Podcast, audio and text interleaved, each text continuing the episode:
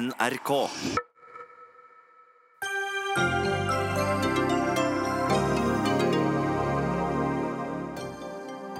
Lederne av valgkomiteene til fire av Norges største selskaper, Equinor, Norsk Hydro, Telenor er noen av dem, vil gi høyere styrehonorarer.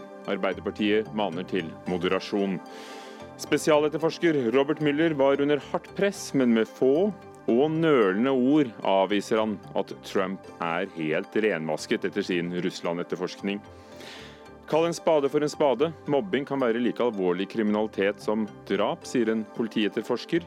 Hvilken makt har ordene vi velger? Vi spør også filosof Henrik Syse.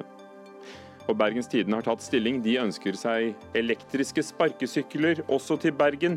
Miljøpartiet De Grønne vil prøve å få det hele forbudt.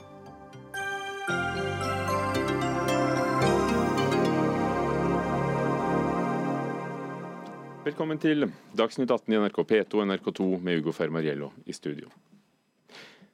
Lederne av valgkomiteene i noen av Norges største selskaper, altså Equinor, Telenor, Yara eh, og Norsk Hydro, eh, ønsker å øke styremedlemmenes honorarer. De begrunner dette bl.a. med at styrelederne har en så stor arbeidsmengde og betyr så mye at de må få de beste hodene. Og Næringsministeren har ymtet frempå at det kan være en åpning for dette når det kommer en ny eierskapsmelding. Tone Lunde Bakker, leder av valgkomiteen i Equinor og administrerende direktør i Svedbank Norge til, eh, til daglig. Du og tre andre eh, skriver altså i en kronikk i Dagens Næringsliv at eh, styrelederne i disse selskapene og andre burde få mer. Hvorfor? Eh, takk skal du ha. Jo, vi eh, som leder, vi som sitter i valgkomiteene, har jo et ansvar for å foreslå de beste styrene til å forvalte de selskapene som vi representerer. Og Det vi har observert i kanskje 10-15 årene, er at det er blitt et mye større jobb, altså en betydelig økning i ansvar og tidsbruk eh, ved å sitte i styrene, og spesielt for styrelederne.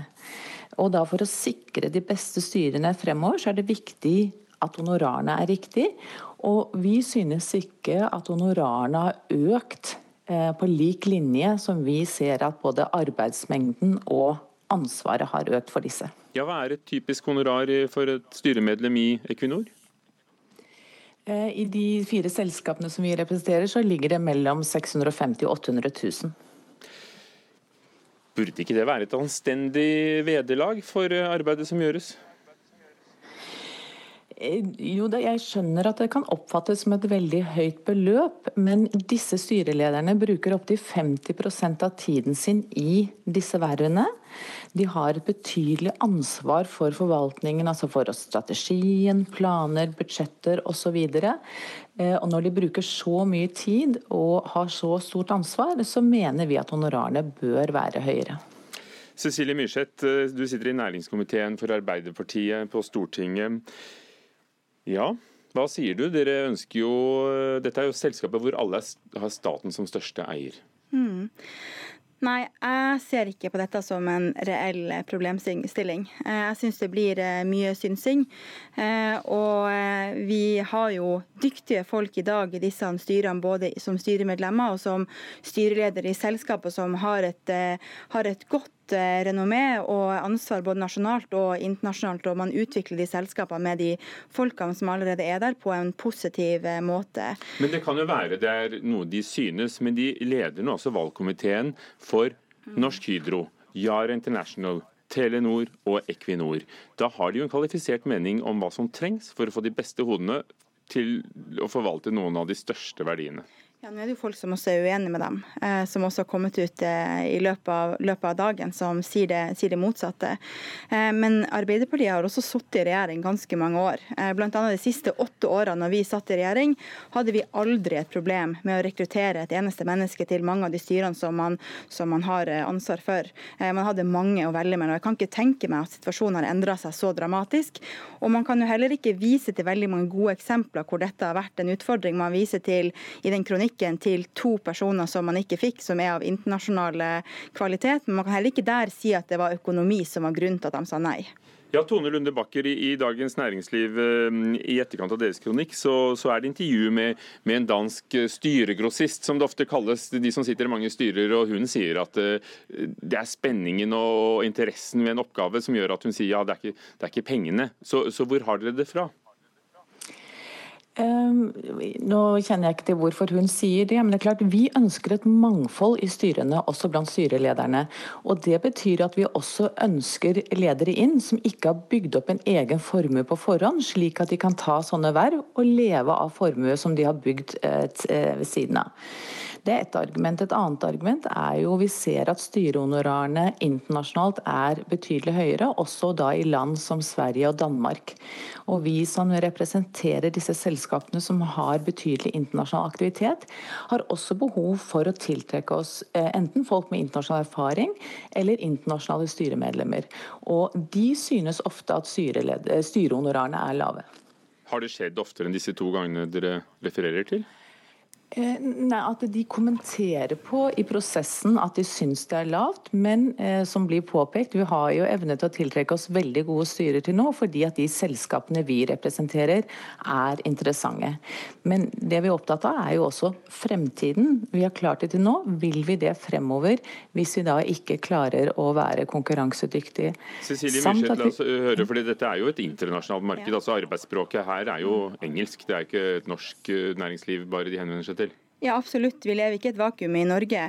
Men jeg syns det er litt absurd å høre at man må bruke sin private formue for å kunne sitte i disse, disse styrene. Det er altså snakk om f.eks. om du er styreleder i Equinor, så får du 800 000 og jobber 40-50 800 000, det er ikke lite penger. Og det siste året har økninga vært på 4% Og når de samme personene som er ledere i selskap, hver gang det er lønnsoppgjør, så ber man fagbevegelsen, de ansatte, til å moderere justere seg når man skal ha lønnsoppgjør. Og Der ligger vel lønnsoppet på lønnsveksten på 2-3% Så jeg tenker at man må også være i takt med samfunnet. Jeg tror at de aller fleste vil synes at dette er noe absurd debatt.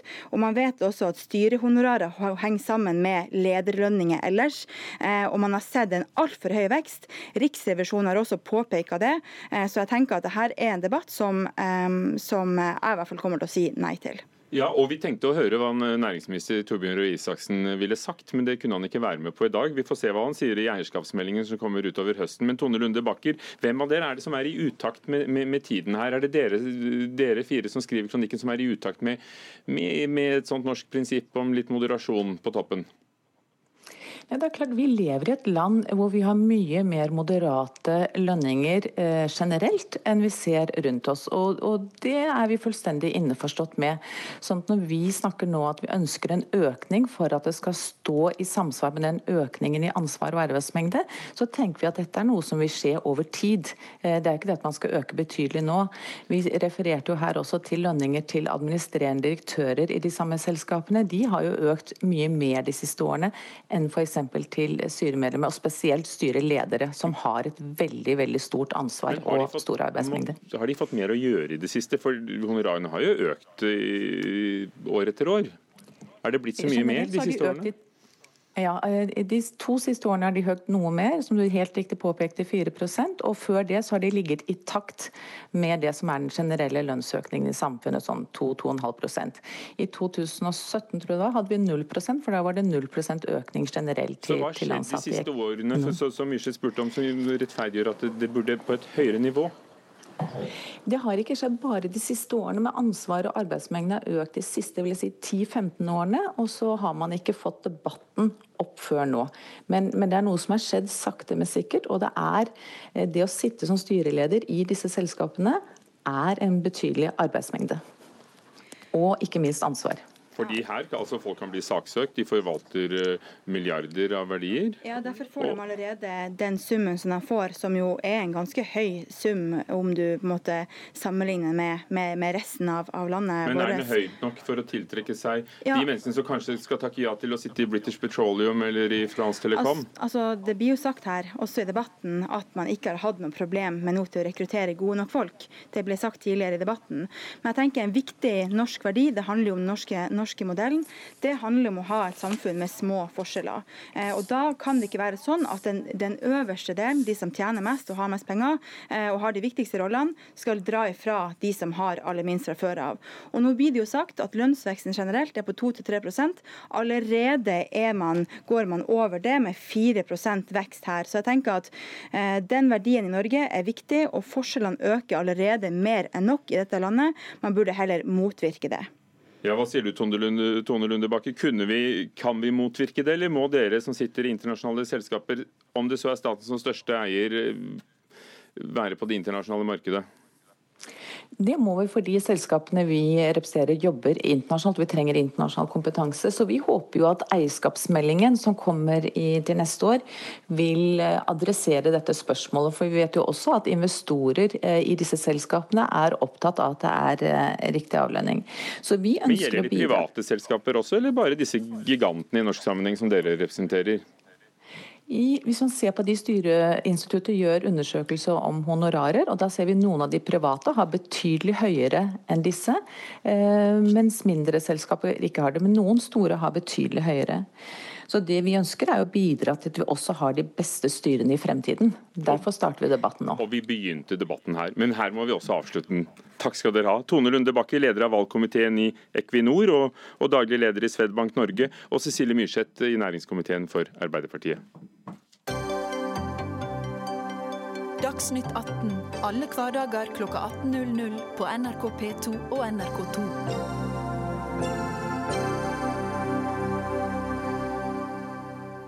så klarte de det endelig, Representantenes hus og Kongressen i USA, å få Robert Mueller til å stille til en høring. Og i dag ble han eh, spurt ut i justiskomiteen i Representantenes hus. Robert Mueller det er jo da spesialetterforskeren som brukte to år på å etterforske om Russland hadde en finger med i spillet i den forrige presidentvalgkampen i USA.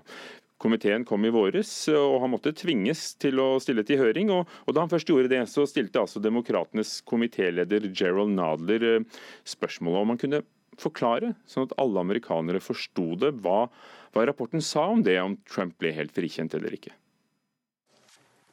Now, Director Mueller, can you explain in plain terms what that finding means so the American people can understand it?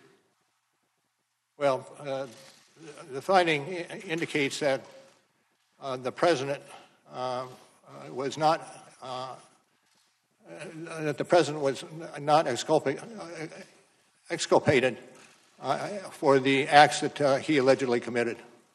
Sofie Høgestøl, førsteamanuensis ved Juridisk fakultet i Universitetet i Oslo. Ja, hva sa han egentlig i det vi hørte her? Det var iallfall ikke pedagogisk. Han ble jo spurt om å forklare det sånn, sånn at alle amerikanere kunne skjønne. Så bruker han et ord som 'exculpated', som, som bare jurister bruker. Men det det ordet egentlig betyr, er at um, det er ikke funnet informasjon som frifinner deg fullt ut. Exculpatory information er informasjon som frifinner deg i en straffesak. Mm. Og han sier at vi har ikke funnet fullve, altså bevis som helt frigjør uh, president Trump i den etterforskningen. Og kanskje enda mer interessant, for den, denne, du siterer nå Nadler, denne komitélederen som begynte utspørringen sin først.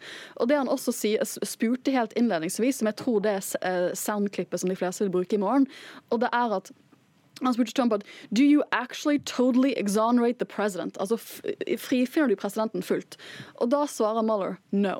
Nei, det gjør jeg ikke. Er det det samme som står i rapporten? Fordi han har jo da sverget på at han skal ikke si et ord mer enn i de 448 sidene som kom i våres. Og det er liksom det som karakteriserer denne, ut, hele denne høringen for meg så langt, det er at Mueller enten svarer ja, nei, correct, um, eller henvise til rapporten. Og det sier CNN at han har gjort 111 ganger så langt. at liksom, ja, Se hva jeg har skrevet i rapporten. Så han prøver jo virkelig å holde seg til rapporten. Men jeg tror nok det er en del kommentatorer som vil stusse litt over om han faktisk har gått litt lengre enn rapporten ved å være så tydelig på en del av de spørsmålene som demokratene har kommet med knyttet til uh, hvorvidt Trump har motarbeidet rettsvesenet i løpet av denne etterforskningen. Var du overrasket over at han virket såpass presset? Jeg var det. Jeg tenkte jo på veien inn at Mueller han, han er, har jo siste to årene vært en sånn mystisk vesen i den forstand han har ikke holdt noen pressekonferanser, har ikke gitt noen intervjuer. Det har vært veldig vanskelig å skjønne hva han holder på med. Og vært med på mange høringer tidligere da han var FBI-sjef. Ja, eh, og gitt én pressekonferanse. Men jeg tenkte sånn, dette er en mann som har vært gjennom utallige høringer i Kongressen som FBI-sjef han kommer til å være en ringrev i dag. Og det har han ikke vært på den måten jeg trodde. Han har vært for meg ganske synlig presset. Han har vært nølende til tider. Han har vært litt fomlende.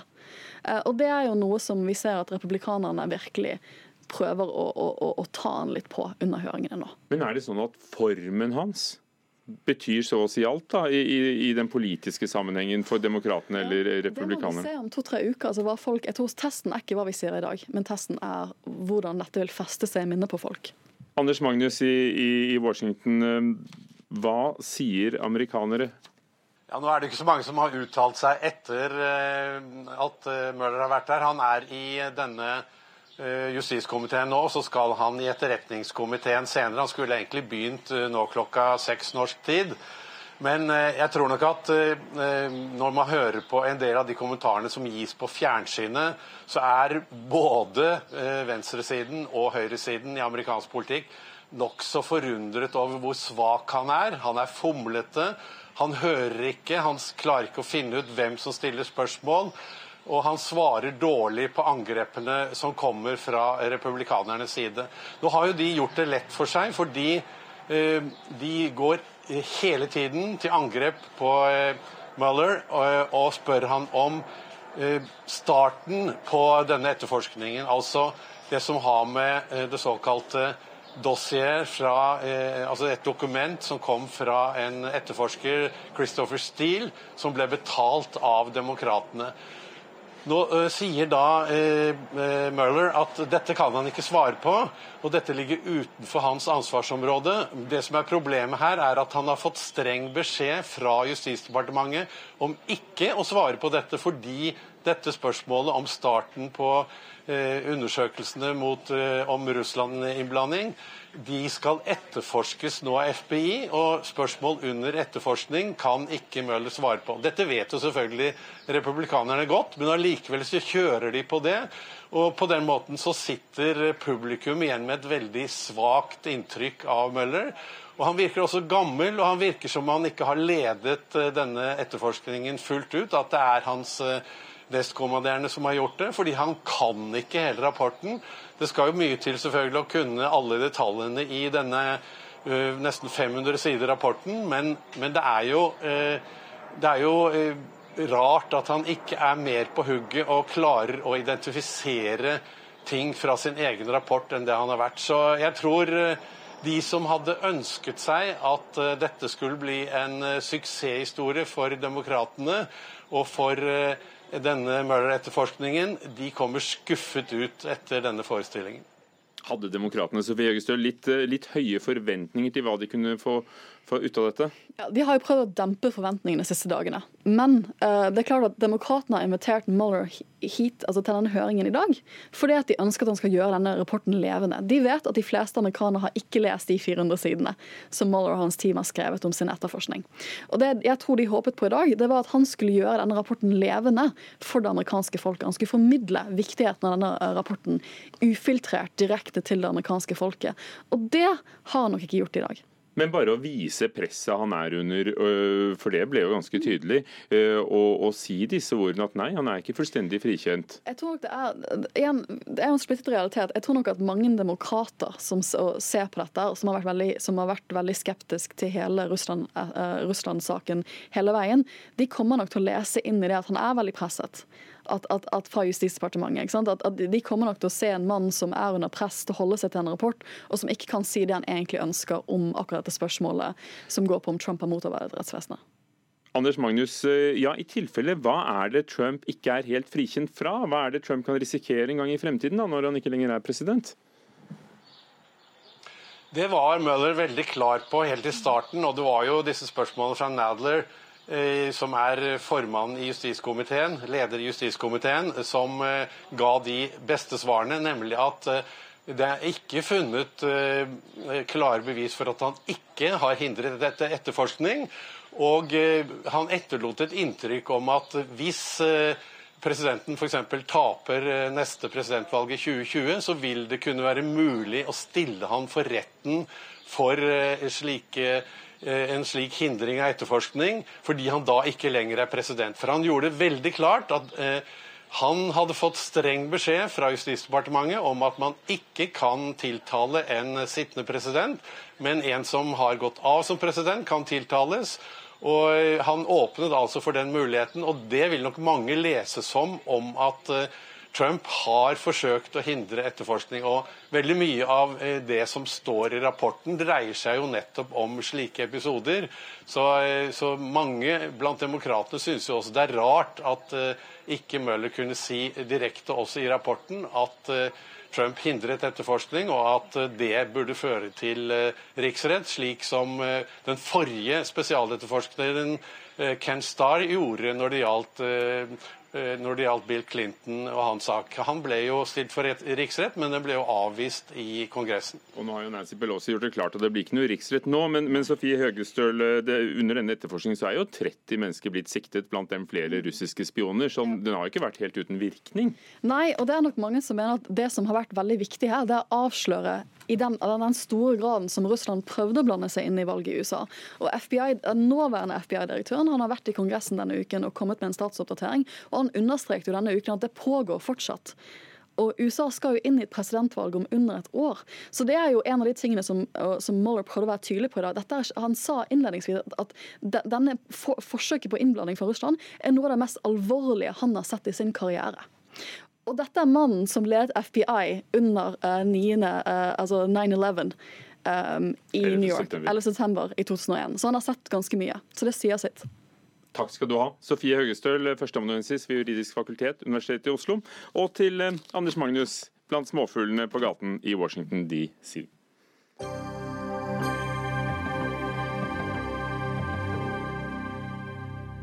Gatene i norske storbyer derimot er ofte preget nå av elektriske sparkesykler. De er oransje, de er grønne, de er eh, selvlysende gule, og de står overalt og gjerne ofte i veien eh, hvis man skal gå eller kjøre. Eh, og nå har noen lyst til at folk også i Bergen skal få leie elsparkesykler. Allerede kan bedrifter leie seg sånne farkoster, men en av leverandørene vil etablere seg i Bergen for vanlige folk. Tor Håkon Bakke, førstekandidat for Miljøpartiet De Grønne i Bergen. Du mener mener at um, eh, dere bør erklære disse elsparkesyklene uønsket i Bergen. Eh, før vi går inn på om dere i det hele tatt kan det, eh, hvorfor? Nei, altså Elsparkesykler i seg selv er ikke problemet her. for Elsparkesykler er en del av løsningen for å få ned bilismen i byene. Det som er Problemstillingen her, det er utleiere som kommer med mange hundre sparkesykler samtidig i et lite bysentrum. Og Det er et par sider ved det som vi opplever som er ganske problematisk. Ja, tror du det får ned bilismen, eller får det ned den lille gåturen på ti minutter? Det kan jo få ned begge deler, det har ikke vi noe tall på, så det er veldig vanskelig å uttale seg om. Men det vi vet er at miljøaspektet her det er ikke så veldig bra. Eh, det vi har sett er at disse elsparkesyklene de holder maks et par måneder, så det er billig ræl egentlig, kort sagt. Eh, og det å produsere disse her det krever eh, mye klimagassutslipp og den type ting, så det er ikke bærekraftig. Og Det andre er jo trafikksikkerhetssituasjonen. ikke sant? Vi har hørt fra Oslo en blind dame som heter Amanda, som ble påkjørt fem ganger på tre uker av elsparkesykler i Oslo. Eh, så dette her er ikke bra. Og så har man sånn som Bergen, ikke sant? med brostein, smalt sentrum. I motsetning til Oslo så har vi ikke noe spesielt med sykkelveier. Og så kaster 8000-10 000 cruiseturister med 15 000 iPader oppi miksen samtidig, så blir fort dette her litt sånn Mario Kart eller Mad Max-tilstander. Eh, og det er ikke spesielt bra. Og bare siste poenget her. for det er hvis politiet hadde håndhevet veitrafikkloven, for veitrafikkloven sier at det ikke er lov for å kjøre elsparkesykkel på fortauet hvis det er tett med folk på fortauet, men politiet håndhever ikke den typen ting. De gjør alvorlig kriminalitet eller på en måte gjør mindre narkobeslag på festivaler og den typen ting. Og når du har hørt alt dette, Frøy Gudbrandsen, politisk redaktør i Bergens Tidende, hvordan kan det ha seg at dere i Bergens Tidende offisielt har tatt stilling på lederplass? Dere vil ha elsparkesykler til Bergen? Jo, eh, nå er det ikke sånn at jeg ikke ser noen problemer overhodet ved elsparkesykler, for det er definitivt eh, ganske mange. Men spørsmålet er skal man bare si nei først, vil ikke ha det, eller skal man si at elsparkesykler og utleie av det det er faktisk noe som er ganske praktisk, og som vil være ganske bra å ha i nettopp i en by som Bergen, der eh, eh sykkelandelen er på 3% Oslo er jo en helt helt annen situasjon enn Bergen. Eh, det er bare 22% av byens befolkning som går eller sykler eh, for å komme seg til jobb. Sånn at her trenger man jo egentlig å bare kaste alt mulig av alternative transportmidler på befolkningen. Men folk kan jo kjøpe seg en elsparkesykkel selv. Altså Her snakker vi om disse som står til utleie ja. og ofte ligger veltet i rennestenen. Ja, eh, men eh, selvfølgelig kan folk kjøpe seg elsykler eh, og elsparkesykler akkurat som de vil. Men eh, utleie av det er et det senker terskelen, og det vil kanskje være nyttig nettopp for å komme seg rundt til eh, ikke fra Bryggen til Fisketorget og opp til Fløibanen, der så cruiseristene holder seg, men kanskje mellom de litt større avstandene i byen. Mellom Sandviken, Kronstad, Møllendal, nye bydeler der det faktisk ikke overalt er så god bussdekning. Så vi skjønner en liten sånn uh, mellomdistansetur, Tor Håkon Bakke. Ja, ja, det er veldig flott hvis det kan dekke f.eks. en mellomdistansetur, eller hvis det kan erstatte f.eks. den siste etappen til eh, bussen eller fra bussen, eller den typen ting. Men forretningsmodellen her er jo bygget opp rundt at eh, dette etableres i sentrum. Eh, og Vi kan på en måte selvfølgelig se for oss at dette hadde vært veldig bra for mellomdistanseruter. Og det kan man også gjøre hvis vi hadde hatt virkemidler i kommunen til å regulere det. Ja, for hvordan har du tenkt å gjøre det? Fordi Arild Heimstad, din partikollega som er miljøbyråd i Oslo, var jo her i studio og sa for noen uker siden at de skulle gjerne regulert det, men det er, det er ikke hjemmel for det. Det eneste de kan se om de kan bøtelegge de som ligger igjen som skrot. Ja, nei, altså Forslaget vårt er altså, Kommunen kan erklære det uønsket. og så har ikke det på en måte noe sånn rettslig vedtak eller noe sånt ved det. Men hvis kommunen sier vet du hva, elsparkesykler er uønsket, så lenge vi ikke har noen virkemidler til å regulere dere, hvor de parkeres, eh, for å få gjort noe med holdbarheten og miljøaspektet f.eks. med, med elløperhjulene, eh, så tror jeg nok ikke at ingen aktører kommer til Bergen hvis kommunen erklærer de som uønsket inntil videre. Tror du det, Fred Gudbrandsen, at kommersielle aktører lytter til, til kommunen da? Nei, Det er jo der, akkurat der som jeg er uenig. da. For jeg tenker jo at Først skal man prøve å, eh, prøve å snakke med disse aktørene som ønsker å komme til Bergen, og høre ok, hvordan kan vi gjøre dette på en måte som gjør at det faktisk funker, og som er i hvert fall litt mer bærekraftig enn i Oslo. Eh, F.eks.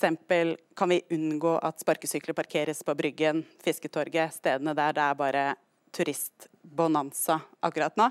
Eh, og er det mulig å gjøre enkelte tilpasninger som gjør at faktisk bergensere over tid har lyst til å ha det, så det ikke blir en sånn Oslo-situasjon. Og Det er der jeg mener vi skal begynne, istedenfor å bare si nei, vi ikke ha det. Men situasjonen i Oslo Gudbrandsen, er jo at 187 eh, personer har blitt skadet etter fall med elektrisk sparkesykkel eh, bare på de siste månedene. Og en, en, jeg holdt på å si en by som London, et land som Storbritannia, har forbud mot det, mm. unntatt eh, på privat grunn. Så man må jo ikke si ja. Nei, man må ikke si ja. Eller nå har jo regjeringen sagt ja, da for så vidt de har det. Uh, og jeg er helt enig at dette har jo avdekket noe som uh, jeg som syklist har, og som fotgjenger har visst en god stund, at ganske mange i Norge ikke kan trafikkreglene.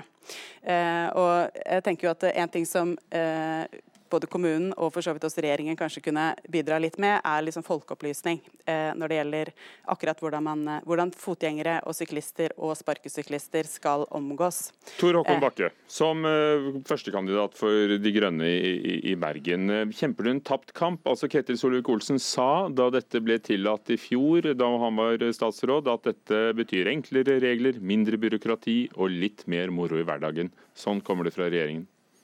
Ja, nei, Jeg skjønner godt at uh, de er gira på, på, mer moro hverdagen. ikke sant? Men, men, moro for hvem? ikke sant? Det er jo ikke moro for, for blinde og handikappede å bli påkjørt uh, når de prøver å komme seg nedover gaten. Uh, så det er et eller annet med på en måte frihet for hvem her. og Det vi er opptatt av, er jo at det skal være frihet for alle, og at man skal ha gode ordninger og en god infrastruktur på plass for å på en måte ta i bruk disse nye teknologiske, teknologiske nyvinningene. ikke sant? Det er ikke lenge til folk kan fly rundt omkring med sin egen lille flymaskin flymaskin på, på ryggen. ikke sant? Så, så, det er mange ting som kommer til å komme. Eh, men hvis holdningen fra regjeringens side og for så vidt fra politiske redaksjoner skal være litt sånn tilbakelent, og på en måte vi ser hva som skjer, og vi skal la disse bedriftene som tjener masse penger på dette, her, få lov å regulere seg sjøl, sånn at de tjener mindre penger, eh, det opplever jeg ikke som helt eh, logisk. Og, og Frøy Gudbrandsen, som politisk redaktør, eh, merkelig nesten at dette ikke er blitt en hetere politisk uh, sak, uh, siden så å si alle snakker om det, som har sett en sånn sykkel eller blitt nesten påkjørt av en. Har Frp mye å vinne på å ha tillatt eh, farkosten? Eh, det, det, vet jeg ikke. Jeg tror ikke elsparkesykler verken i Oslo eller i Bergen kommer til å være avgjørende i kommunevalget, for å si det sånn. Men, eh, Men er det en vinnersak for eh, Fremskrittspartiet? Eh, ja, det tror jeg faktisk kanskje det er. Men dette avhenger, det er jo derfor jeg har litt tro på at aktørene faktisk kommer til å være villige til å snakke med politikere som har noen gode innspill også. Fordi at uh, uh, hvis ikke de justerer seg litt grann, i forhold til sånn de har lagt opp i Oslo, så kommer det til å bli upopulært på sikt. Takk skal dere ha. Frøy Gudbrandsen, politisk redaktør i Bergens Tidende, og Tor Håkon Bakke, som da først må bli valgt. da, Førstekandidat for Miljøpartiet De Grønne i Bergen de, i forkant av valgkampen. De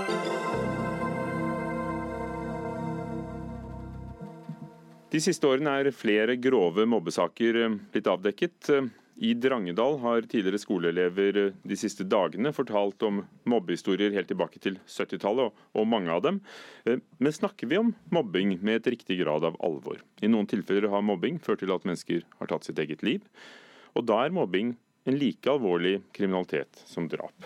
Det er i hvert fall sånn vi forstår. Stig Andersen, til vanlig spesialetterforsker i politiet, men her som privatperson og, og doktorgradsstudent i politietterforskning. Du skrev om dette i Politiforum. Når mener du, Stig Andersen, at mobbing kan være like alvorlig som drap? Mobbing er uh, alvorlig. Mobbing er vold. Um, og jeg, uh, hvis jeg ser noen som blir slått, uh, hvis jeg kanskje ser noen som blir knivstukket og drept, så skjønner jeg med en gang hva det er jeg ser. Um, og jeg ringer til politiet. Jeg oppsøker hjelp. Hvis jeg, hvis jeg ser noen som mobber, kjenner jeg det igjen som mobbing? Forstår jeg hva det er? Og hvordan agerer jeg? Mobbing kan føre til at mennesker tar sitt eget liv. Både mobbere og offer. Um, og Strafferettskommisjonen sa allerede i 18 1996 at eh, enhver medvirkning til eh, selvmord, eller at noen tar sitt eget liv, det bør straffes som drap. Blir det tatt hensyn til ofte nok, tror du? Det, det vet jeg ikke. Det som er uh, viktig for meg i den sammenhengen, det er skaleringen. Når jeg sier drap, så er det et ord som vekker avsky. Det er, det er noe fælt, det er noe vondt. Eh, når jeg sier mobbing, så vekker det en annen respons, det vekker en annen tanke. Eh, men mobbing er alvorlig. Mobbing er vold. Henrik Syse, filosof og professor ved Bjørknes eh, høgskole. Hvilke assosiasjoner vekker mobbing hos deg? Vonde assosiasjoner. Det er riktig, jeg er på Bjørknes høgskole, jeg er også på Institutt for fredsforskning, så jeg arbeider jo mye med konflikt. Eh, og konflikter starter jo ofte med ydmykelse, med mennesker som ikke vil hverandre vel. Eh, og Derfor så skal vi ta dette på det høyeste alvor, og derfor stor takk til eh, Stig her som tar opp temaet på denne måten. Eh, samtidig så vet jo du like godt som eh, vi andre, og ikke, minst vet du det, som er etterforsker, at det er også veldig komplisert. Fordi hvis vi snakker om et fysisk drap, så har vi en objektiv kjensgjerning vi står overfor. Så kan det være vanskelig å finne ut av den, men det er en objektiv kjensgjerning. Det er vanskeligere hva angår mobbing, for det en, menneske, en person kan oppleve som mobbende, trenger ikke være ment sånn av den andre personen. Eh, noen kan ta seg veldig nær av ting som andre ikke tar seg nær av. Jeg sier ikke dette for å på noen måte forsøke å avdramatisere, men for å minne om at dette er ganske komplekst. Dette har jo bl.a. med arenaer å gjøre. Jeg er jo en som av og til har skrevet en del i aviser og skrevet bøker og sånt. og Hvis jeg da noen ganger ser på kommentarfelter om hva folk skriver om meg, så kan jeg jo bli ganske skyggeredd. Og det er en form for mobbing, men så må jeg samtidig tenke at ja, det er vel en arena hvor litt harde ord kan være på sin plass. Vi skal passe oss da òg, for all del. Men jeg vet om mennesker som faktisk aldri orker å skrive i avisen igjen. Og det er spørsmålet mitt er det mobbing. Hvor skal vi sette grensene for det? Og Det andre er jo at vi lever i et samfunn i veldig rask forandring, der det kommer stadig nye arenaer der mobbing kan spres. Og der den som sprer noe, kanskje ikke tenker på hvor mange det når frem til. Altså Tenk at du legger ut et innlegg på Facebook fordi du er skikkelig sur en kveld. Og så plukkes det opp, og så kan det være hundretusener som kan lese det, og noen som kan føle seg veldig sterkt rammet av det. Alt dette viser hvor komplekst temaet er. Og Poenget mitt er vel at dette må møtes ikke bare juridisk, men også moralsk. Og sånn må det møtes med den rette ydmykheten og varsomheten. Jeg er sikker på at det sitter mennesker og hører på nå som både har vært utsatt for mobbing, og som kanskje selv har vært mobbere. Kanskje sitter noen med en veldig sterk anger og skyldfølelse. Hvordan møter vi det? Hvordan snakker vi ærlig med hverandre om dette på en måte som er eh, oppbyggelig og god?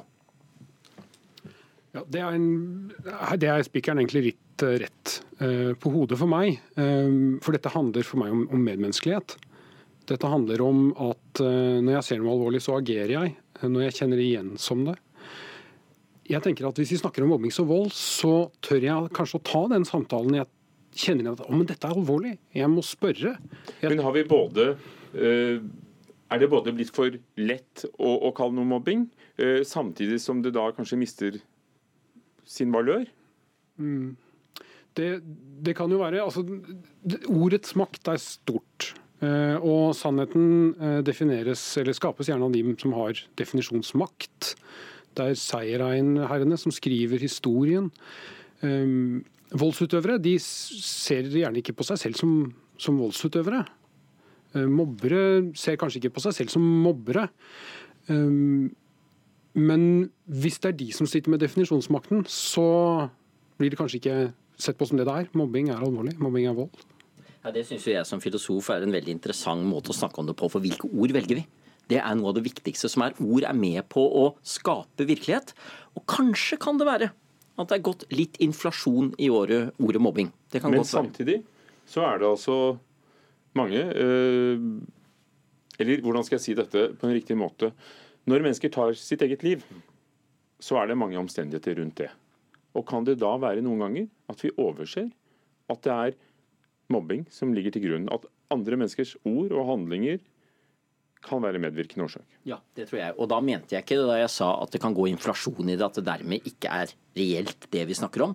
Kanskje egentlig tvert om at vi må være litt mer finmaskede i hvilke ord vi bruker, og huske at noen type mobbing er som en type vold.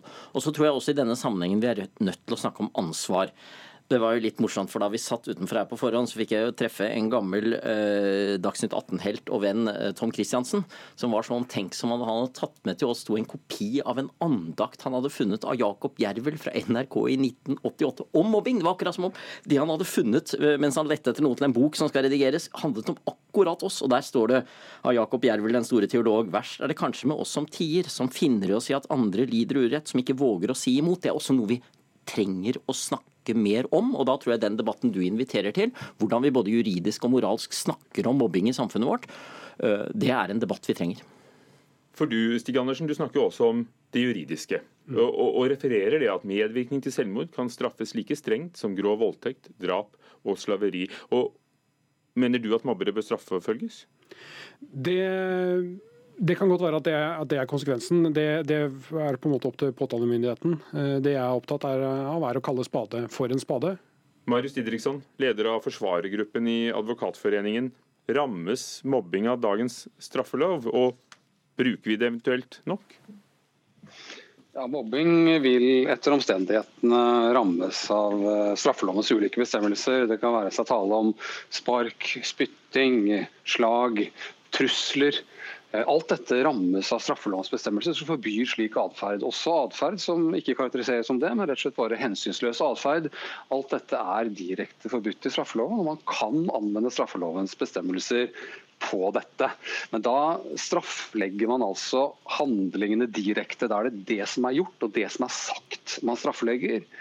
Eh, Når det fører det til som... Marius Didriksson, at i noen tilfeller så så tar jo folk sitt eget liv, og, og, mobbing kan være en del av det bildet. Burde det da forfølges hardere, som forfølges som medvirkning til drap?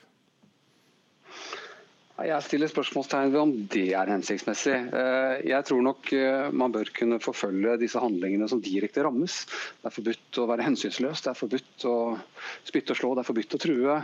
Men fra derifra til å straffeforfølge for konsekvensen, den konsekvensen fornærmede velger å ta, nemlig å ta sitt eget liv, som man drives jo inn i, på en måte. Det er jo det man antar og legger til grunn. Det tror jeg vil være å trekke det for langt. og det er fordi at disse situasjonene er svært komplekse. Jeg tror det er helt umulig å ha en eh, bestemt mening om hva som er årsaken. Jeg har sett at det har vært foreslått her å løse dette ved nærmest å spørre avdøde selv, hvis man kan si det slik. Ved å etterforske dennes eh, internettlogginger, eh, notater, avskjedshilsener. Hvorfor mener vedkommende selv at han tar sitt eget liv? Men jeg tror selv at vi er på et så kompleks område at vedkommende ikke nødvendigvis selv kan overskue det. Man kan ha en så kompleks bakgrunn med så mange belastninger, og så møter man altså en ytring, kanskje over tid, som man opplever som belastende, og så skriver man kanskje ned at dette er pga. det. men er det egentlig dypest sett pga. det? Så jeg tror nok jeg stiller meg spørsmålstegn om det er en riktig fremgangsmåte å rett og slett uh, straffeforfølge for drap for rene ytringer. Stig Andersen, det er vanskelig å gi just dette her? Det, det, er det, og jeg er ingen, uh, ingen jurist, så, så det, Men når du det er helt klart. antyder at dette er medvirkning til drap når, det, når noen mm. begår, begår, selvmord, antyder du også at, uh, at det skulle være en større del av rettspleien? Ja, nei, det, det, jeg har sagt er at dette, det kan være medvirkning til, til selvmord, som har en egen bestemmelse. Men det viktigste her må vel være at vi, dette kan vi kanskje forebygge. Dette kan vi kanskje hindre. Vi kan kanskje avverge at dette selvmordet i det hele tatt skjer. Vi kan rett og slett forhindre at noen dør. Det må jo være verdt alle sjokoladekakene i hele landet, tenker jeg. Ja, for det er jeg helt enig i. Det må jeg bare få si. For vi har urovekkende mange selvdrap her i Norge, så dette må vi ta svært alvorlig. Men jeg er svært kritisk til å sette merkenavnet drapsmann på, på mobberen. Vi har andre straffebestemmelser som rammer dette i den grad man skal bruke straffesporet. Og så må jeg jo si at straffesakssporet det er et voldsomt maskineri. Det er svært kostbart. Og det kommer i ettertid. etter at handelsen har funnet sted. Den kommer ikke, den, den, den kommer ikke inn i fortid, slik som forebyggende atferd gjør. Så Da foreslår jeg heller å bruke disse midlene på god, god forebyggende atferd. Eh, sykesøstre på skolen og hva det måtte være, som, som hjelper til med å sørge for at, eh, at dette ikke skjer, i stedet for å komme inn med et straffesaksmaskineri. Svært kostbart, som ikke har noen ting å si på fremtidig mobbeatferd i ettertid. Henrik Sisse, måten kan jusaspektet av hvordan vi snakker om mobbing og hvordan det behandles i loven også virke forebyggende, tror du? Det kan du i mange tilfeller, det er jo åpenbart. Men jeg tror nok det er riktig det som er sagt her om at det blir vanskelig å skulle straffeforfølge denne type hendelser og handlinger som drap. Da må man heller gå på det helt konkrete, som du så riktig ble sagt her. Men det som dette minner oss om, er at når vi skal lære hverandre om dette, altså ta det gode gamle dannelses- og oppdragelsesperspektiv, hvordan vi snakker om dette i skolen, så ser jeg på Stigs utfordring som hvordan snakker vi om det med det nødvendige alvor? Slik at man skjønner at dette er ikke lek, det er ikke noe vi skal le av, det er ikke noe som nærmest ja, ja, det går jo over. Det er faktisk snakk om alvor. Og så tror jeg det å finne gode måter å formulere det på husker Faren min var jo politiker, og han pleide å si at det er når du begynner å bli lei av å si noe selv, at du begynner å sive inn der ute. Med andre ord, du må gjenta det. Vi må finne måter å få inn dette budskapet på. Jeg vet jo det selv som far, hvor utrolig viktig det er. Og da kan det å minne om at det er et juridisk aspekt ved det også. Det er handlinger som faktisk er straffbare, som er involvert i denne, denne type handling. Og Så kommer jeg tilbake igjen helt til slutt også med hvordan vi snakker til mobberen, så vi kan få mobberen på et bedre spor. Få til oppgjør og forsoning som tar godt hensyn til den som er blitt utsatt for mobbingen. Det er helt klart at både offer og mobber trenger hjelp. Det er det de fortjener. Takk skal dere ha, alle sammen. Også til deg, Marius Didriksson, selv om jeg hører at du ville si mer. Men uh, som leder av forsvarergruppen, så så må du nok finne deg i at det er slutt. Også til Stig Andersen, som har skrevet denne kronikken i Politiforum, og Henrik Syse, filosof, både ved Bjørknes høgskole og Institutt for fredsforskning. Hør Dagsnytt 18 når du vil. Radio NRK Radio.nrk.no.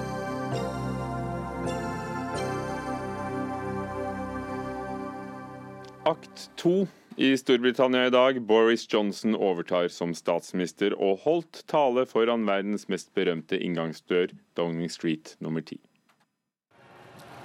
I pay tribute to the fortitude and patience of my predecessor and her deep sense of public service.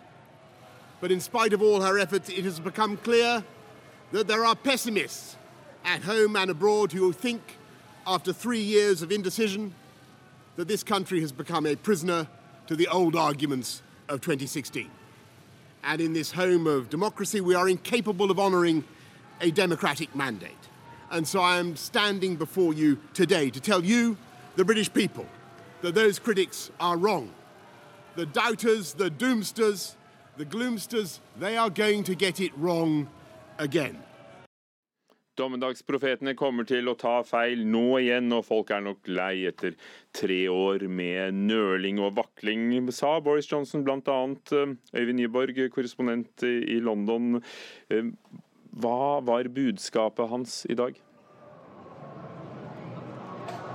Ja, budskapet var uh, to ting. Uh, han lover å gå ut av EU, få landet ut av EU innen 31.10, koste hva det koste vil. Dessuten så var det et klart budskap til Brussel om at uh, britene ønsker nye forhandlinger. De vil få til det. De forhandlingene de blir tøffe. Han lovet ganske mye. Alt fra en verdig alderdom og fikse sosialhjelpen, skoler og satsing på jernbaner til, til avsidesliggende byer. Eh, kan han holde alt han lover? Alt dette er eh, fullstendig underordnet. Eh, vi har å, å gjøre med den giftige brexit-saken her fortsatt. Dette er jo det, det, det, kaoset vi ser her i London nå. Det er jo delvis eh, også satt i gang av Boris Johnson, som var en av de store nei-generalene i 2016. Og det er det hans periode her i Downing Street vil stå og falle på. Og det er jo også de som spår at hans periode her vil vil kunne komme til å bli kort dersom han ikke klarer det, eller dersom han prøver noe såpass hasardiøst som å gå ut av EU uten noen avtale i det hele tatt, med de negative konsekvensene det vil få. Hva, er, eh, hva, hva, slags regjering kan vi vente oss når den kommer på plass? Fordi Det er jo allerede kommet uh, lekkasjer om at Jeremy Hunt, utenriksminister i dag, og som tapte kampen om lederskap, ikke vil finne seg i noen sånn mindreverdig post, samtidig som det vel neppe er trolig at han får beholde utenriksministerposten? Nei, han skal ha takket nei til forsvarsministerposten. Men det er klart at uh, det som egentlig overordnet sett har sett skjedd her i Downing Street i dag, det er at Theresa May, Philip Hammond, uh, alle de som uh, også stemte for å forbli i EU i 2016, alle de blir tuppet på huet og ræva ut her fra Downing Street. Og inn kommer de harde brexit-forkjemperne med, med, Boris Johnson i, i spissen. Så mye tyder på at det er er eh, brexit-folkene som, som, vil overta de fleste postene. Eh, et stalltips går f.eks. på at eh, Savid Javid, som er justisminister i dag og brexit-tilhenger, og også en god venn av Boris Johnson, vil overta den mektige finansministerposten. Så får vi se hvor de andre lander hen. Som du beskriver det, Nyborg, så høres det ut som dette er starten på et helt nytt konservativt parti, i hvert fall sånn på toppen?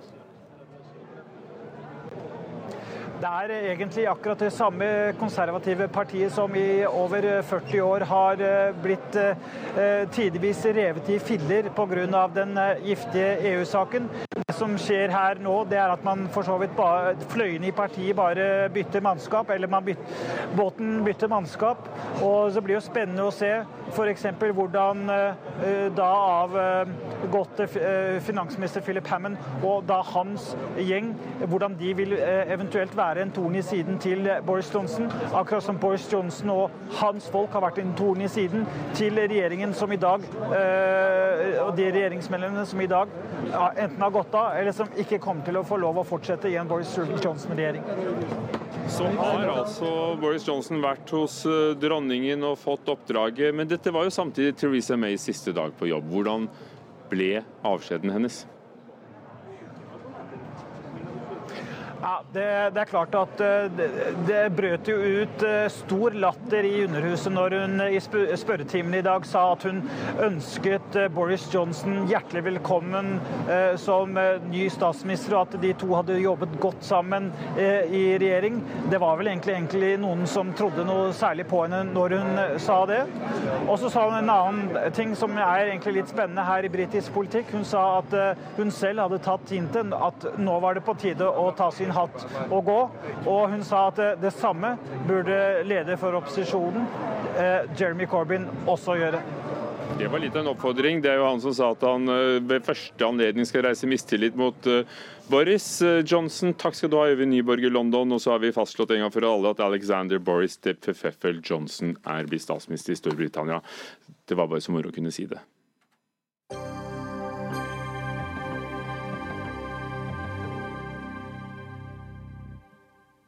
Teater, må det oppleves eh, på scenen der i mørket, eller kan du sitte på en skjerm og se det? Applaus scene er en helt ny tjeneste som tar sikte på å tilby teateropplevelser, altså opptak av teater til skoler og institusjoner, og på sikt kanskje til deg og meg eller et kulturhus.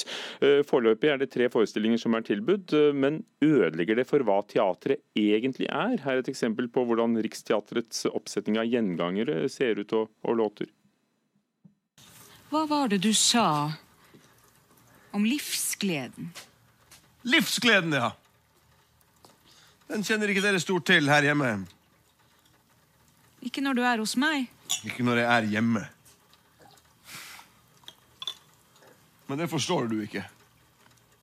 Gunnar Eiriksson og Gjertrud Gynge i Gjengangere.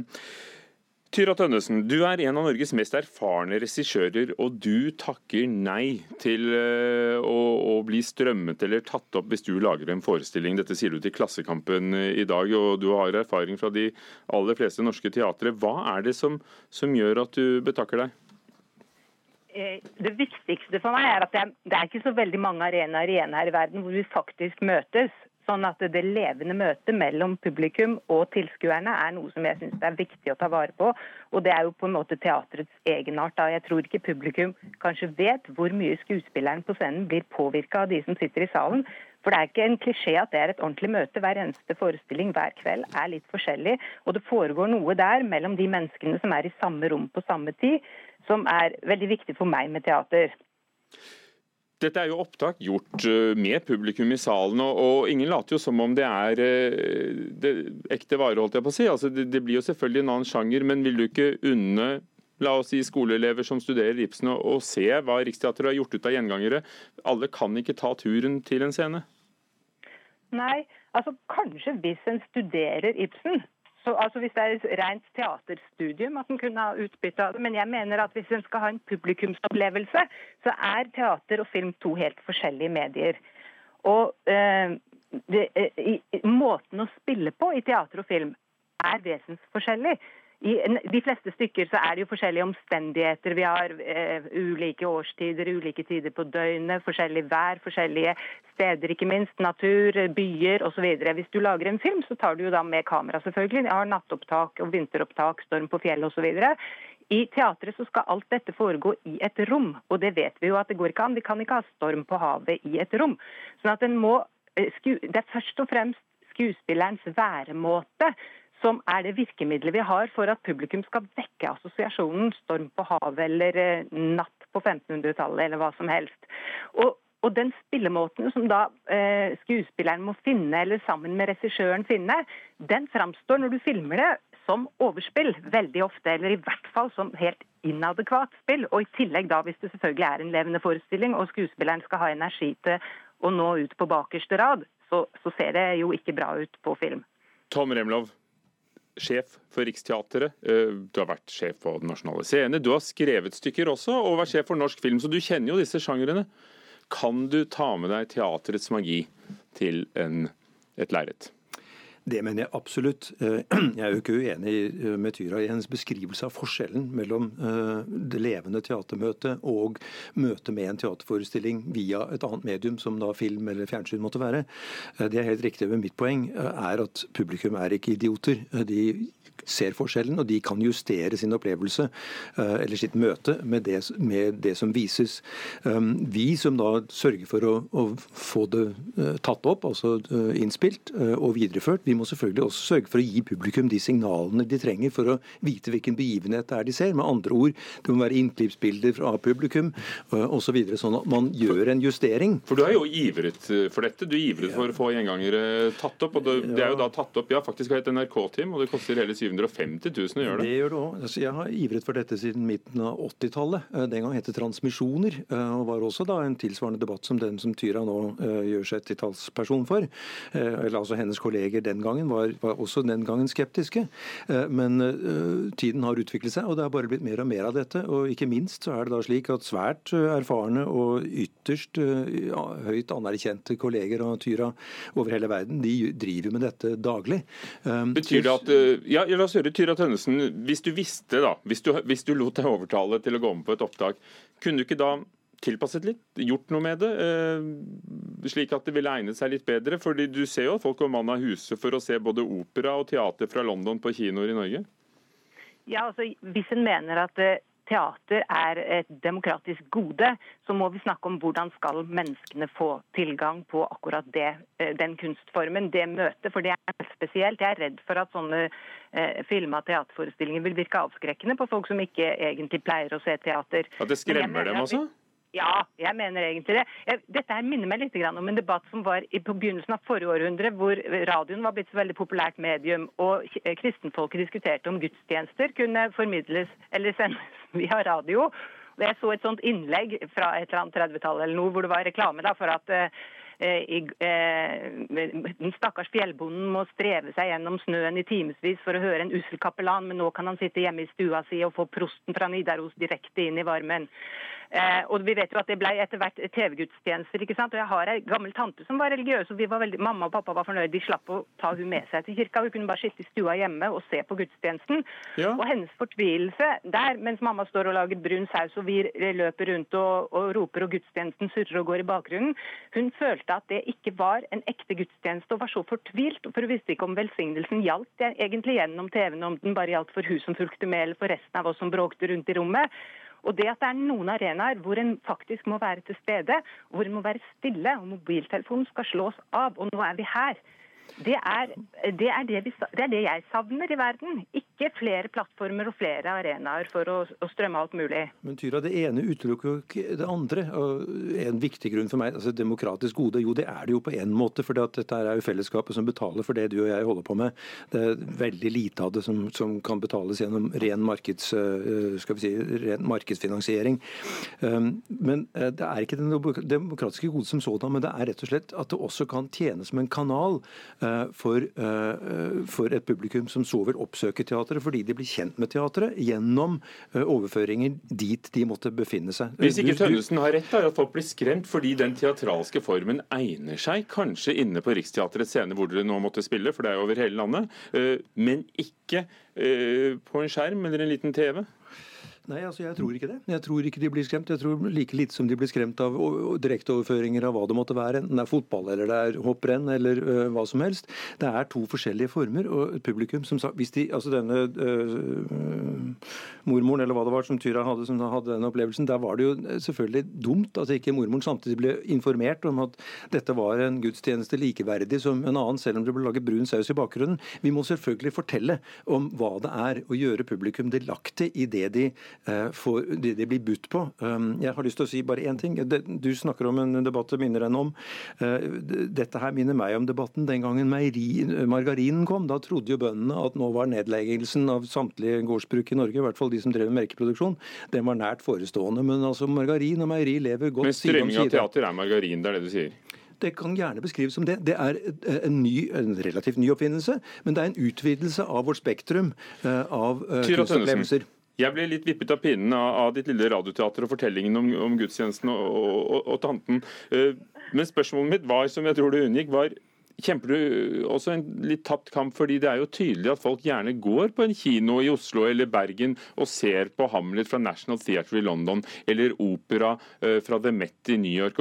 Og EU har finansiert en side som heter Opera Vision, hvor det ligger gratis forestillinger i et halvt år gangen, også fra Bergen f.eks. Mm. Nei, altså, jeg, jeg kan jo ikke nekte folk å gå og se det de har lyst til. Men, men kanskje opera, der er det jo sangkvaliteten som er liksom hovedingrediensen, da. Og, og det at eh, operasangere har den sjangeren de har, det vet vi jo om opera. Skal vi si det sånn at evig eies kun det tapte? For snart er denne stunden tapt. Takk til dere. Ty Tyra Tønnesen, regissør. Tom Remlov, teatersjef. Og takk også til Lisbeth Sellereite, som var teknisk ansvarlig for Dagsnytt 18. Jarand Ree Mikkelsen var ansvarlig for det hele. Ugo Fermarello, programleder. Takk for oss.